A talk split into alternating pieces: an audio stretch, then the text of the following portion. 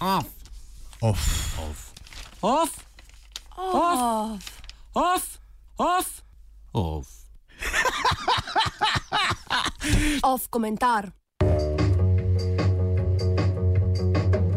Kučanova jajca. Predvolilnem času je skoraj da nemogoče odpreti časopis ali spletni medij, prižgati radio ali televizijo in se vključiti v socialna omrežja, ne da bi ob tem naleteli na omembo Janeza Janše. Grosupelski omladinec tempo slovenskega političnega prostora narekuje že od porodnih krčev naše republike.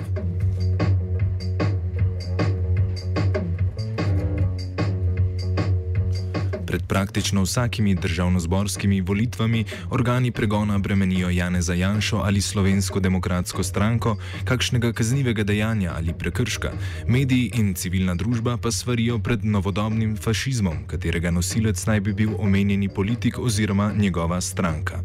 To vrsten odziv različnih družbenih institucij se pogosto naziva kot anti-janšizem. Tega obrobni politični opazovalci iz radikalnejše levice često označujejo za destruktivno tendenco, ki na oblast povede levo-sredinske in liberalne sile, ki se od Janša razlikujejo zgolj kulturno. Liberalci in levosredinci pri tem marginalce označujejo za uporabne idiote, katerih volilna abstinenca in kritika levoliberalcev pomagata zgolj princu teme.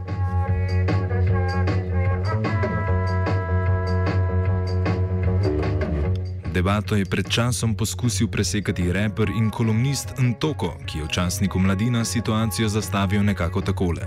Imamo tri strani. Liberalce, ki želijo kapitalizem s človeškim obrazom, Jane Zajanšo in njegove vernike, ter impotentne socialiste. Trdi, da bodo vedno znova omenjeni akteri odigrali karikaturne vloge samih sebe. Zato predlaga taktično sodelovanje z liberalci. Ti naj bi bili namreč manj agresivni do terenskega dela socialistov, obenem pa naj bi jim lahko usiljevali leve agende.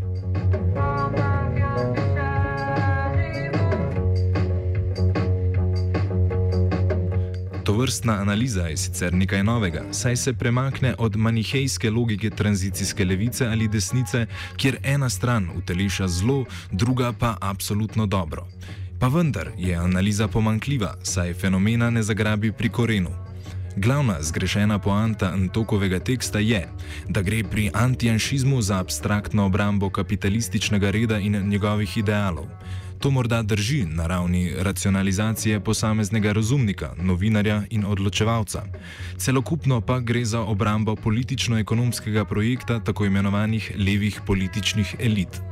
Ti so namreč lastniki medijev, prijatelji intelektualcev in botri politikov.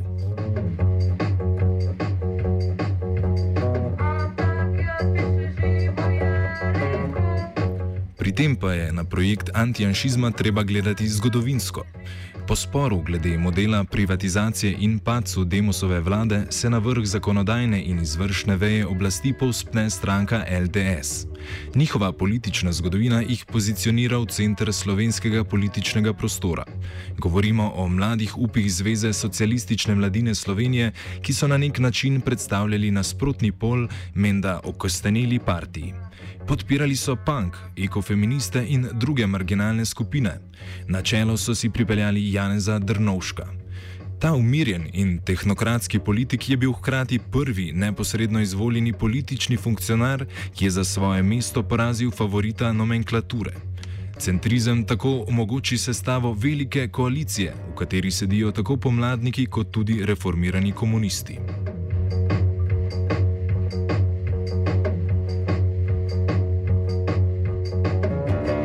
Pisalo se je leto 1993. Udarila je afera Hit, ki je razkrila povezavo med rdečimi direktorji, obveščevalci in političnim projektom reformiranih komunistov. Takratnega generalnega direktorja Danila Kovačiča je Drnovšek kasneje v funkciji predsednika republike odrešil kazenske sodbe in ga pomilostil. Zgodila se je tudi Mariborska orožarska afera.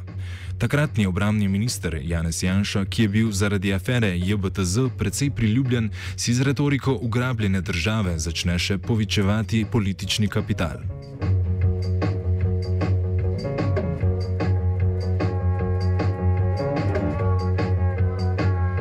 Če tudi današnje, tudi levičarsko, zgodovinopisje govori o gradualni tranziciji kot zgodbi o uspehu, takrat ljudje tega niso zaznali na tak način. Morda je najbolj povedno prav število stečajev.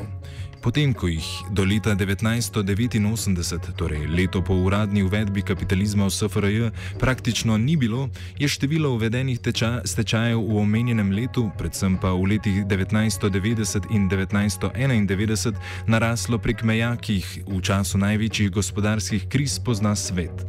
Od julija 1991 do marca 1993 je 1522 podjetij, v katerih je bilo zaposlenih 125.698 delavcev, izpolnilo pogoje za uvedbo stečajnega postopka. Če k temu dodamo zmedo ob lastninjenju in splošen resentiment ob nemenjavi političnih struktur, lahko razumemo, da je politika Janeza Janše pridobila množično bazo.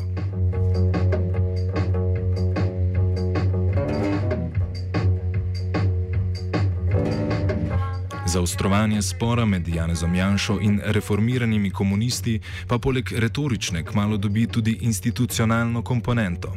Notranji in obramni resor, prvi pod nadzorom Združene liste socialnih demokratov, drugi pa Janšev resor, tako pripravljata razno razne manevre, si kradeta podatke in podobno.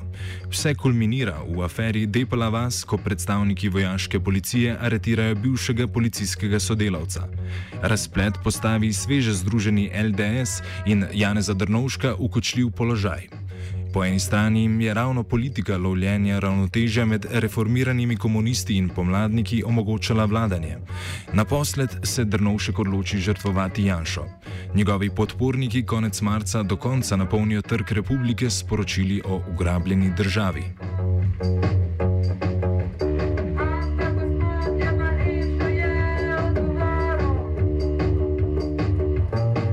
Janšizem se je tako pokazal kot množično ulično gibanje, kar želi, kljub močno postarani demografski sliki, ostati še danes. Antijanšizem, po drugi strani, do leta 2013 oziroma vse slovenskih ljudskih ustaj nikoli ni bil množično gibanje na ulicah. Njegova moč je izvirala iz institucionalne prisotnosti. Kadri in prijatelji LDS-a so nadzorovali državno upravo, državna podjetja in paradržavne strukture. Kritika, povzeta v besedni zvezi Kučanova jajca, je, čeprav močno poenostavljena, ustrezna. Recept za zdravilo te patologije pač ne. Antijanšistični sentiment se kot množično gibanje aktivira šele ob razpadu LDS, to, kot, to catch all, big tent stranke. Z odhodom Janeza Drnovška se je namreč v stranki začel boj za moč, ki je na koncu pripeljal do njenega razpada. Frakturirana tranzicijska levica se tako ni več uspela poenotiti okrog posamezne figure kot pozitivnim projektom, ampak le okrog negativnega projekta - preprečiti pohod Janeza Janše na oblast.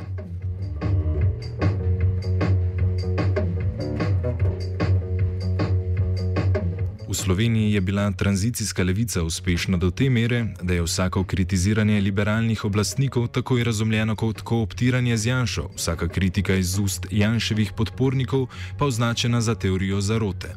Celo v tem času, ko na plan prihajajo nepravilnosti, ki so jih vršili državni bančniki iz predmetnega omrežja, so nekateri prepričani, da gre za podtikanja in desno sučne spine na javni RTV.